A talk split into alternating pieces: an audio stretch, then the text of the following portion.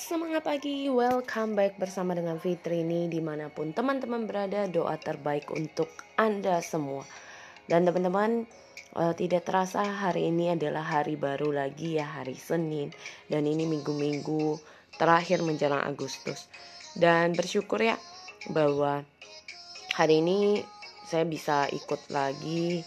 Uh, Jadi biasanya setiap Senin itu ada persekutuan bareng doa di dalam perusahaan dan bersyukur sih bisa ikut akhirnya bisa belajar banyak hal sharing. Dan hari ini mau sharing adalah tentang uh, teman-teman kalau yang Nasrani pasti tahu ya tentang perumpamaan anak yang hilang.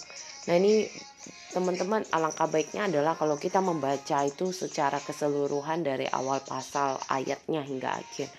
Dan di dalam cerita perumpamaan anak yang hilang ini mungkin kalau secara duniawi kita membaca kita merasa kayak wah ini anak durhaka. Wah ini anak kenapa kayak begitu? Kenapa bapaknya masih sayangin masih uh, diterima lagi pada dia udah menghambur-hamburkan duit bapaknya dan segala macam gitu ya.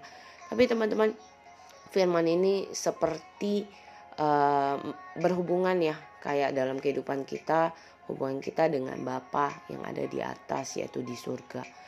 Di sini mengajarkan bahwa kadang kita terlalu sibuk, kita terlalu hektik dengan kehidupan dunia kita, kita terlalu khawatir tentang apa yang kita makan, minum, kita khawatir uh, apa sih yang bisa saya dapat, profesi, jabatan segala macam. Tapi teman-teman, kadang di saat kita mengalami gagal, kita mengalami ditolak, kita mengalami banyak hal negatif dari orang sekitar, kita awalnya yang mungkin lupa, akhirnya kita kembali kayak ke Tuhan gitu ya terus kita minta ampun kita bilang aduh Tuhan maaf kenapa saya lakukan itu? Tapi teman-teman satu hal yang mau saya bagikan adalah saya belajar bahwa kebaikan demi kebaikan Tuhan yang gak pernah habis ya. Masih aja tetap ada selalu baru selalu utuh buat kita. Hari ini mau tahun depan mau 10 tahun lagi tetap sama di dalam mungkin hal-hal konyol yang kita lakukan. Dia selalu ada buat kita menyadarkan kita akan kebaikan demi kebaikan yang dia lakukan.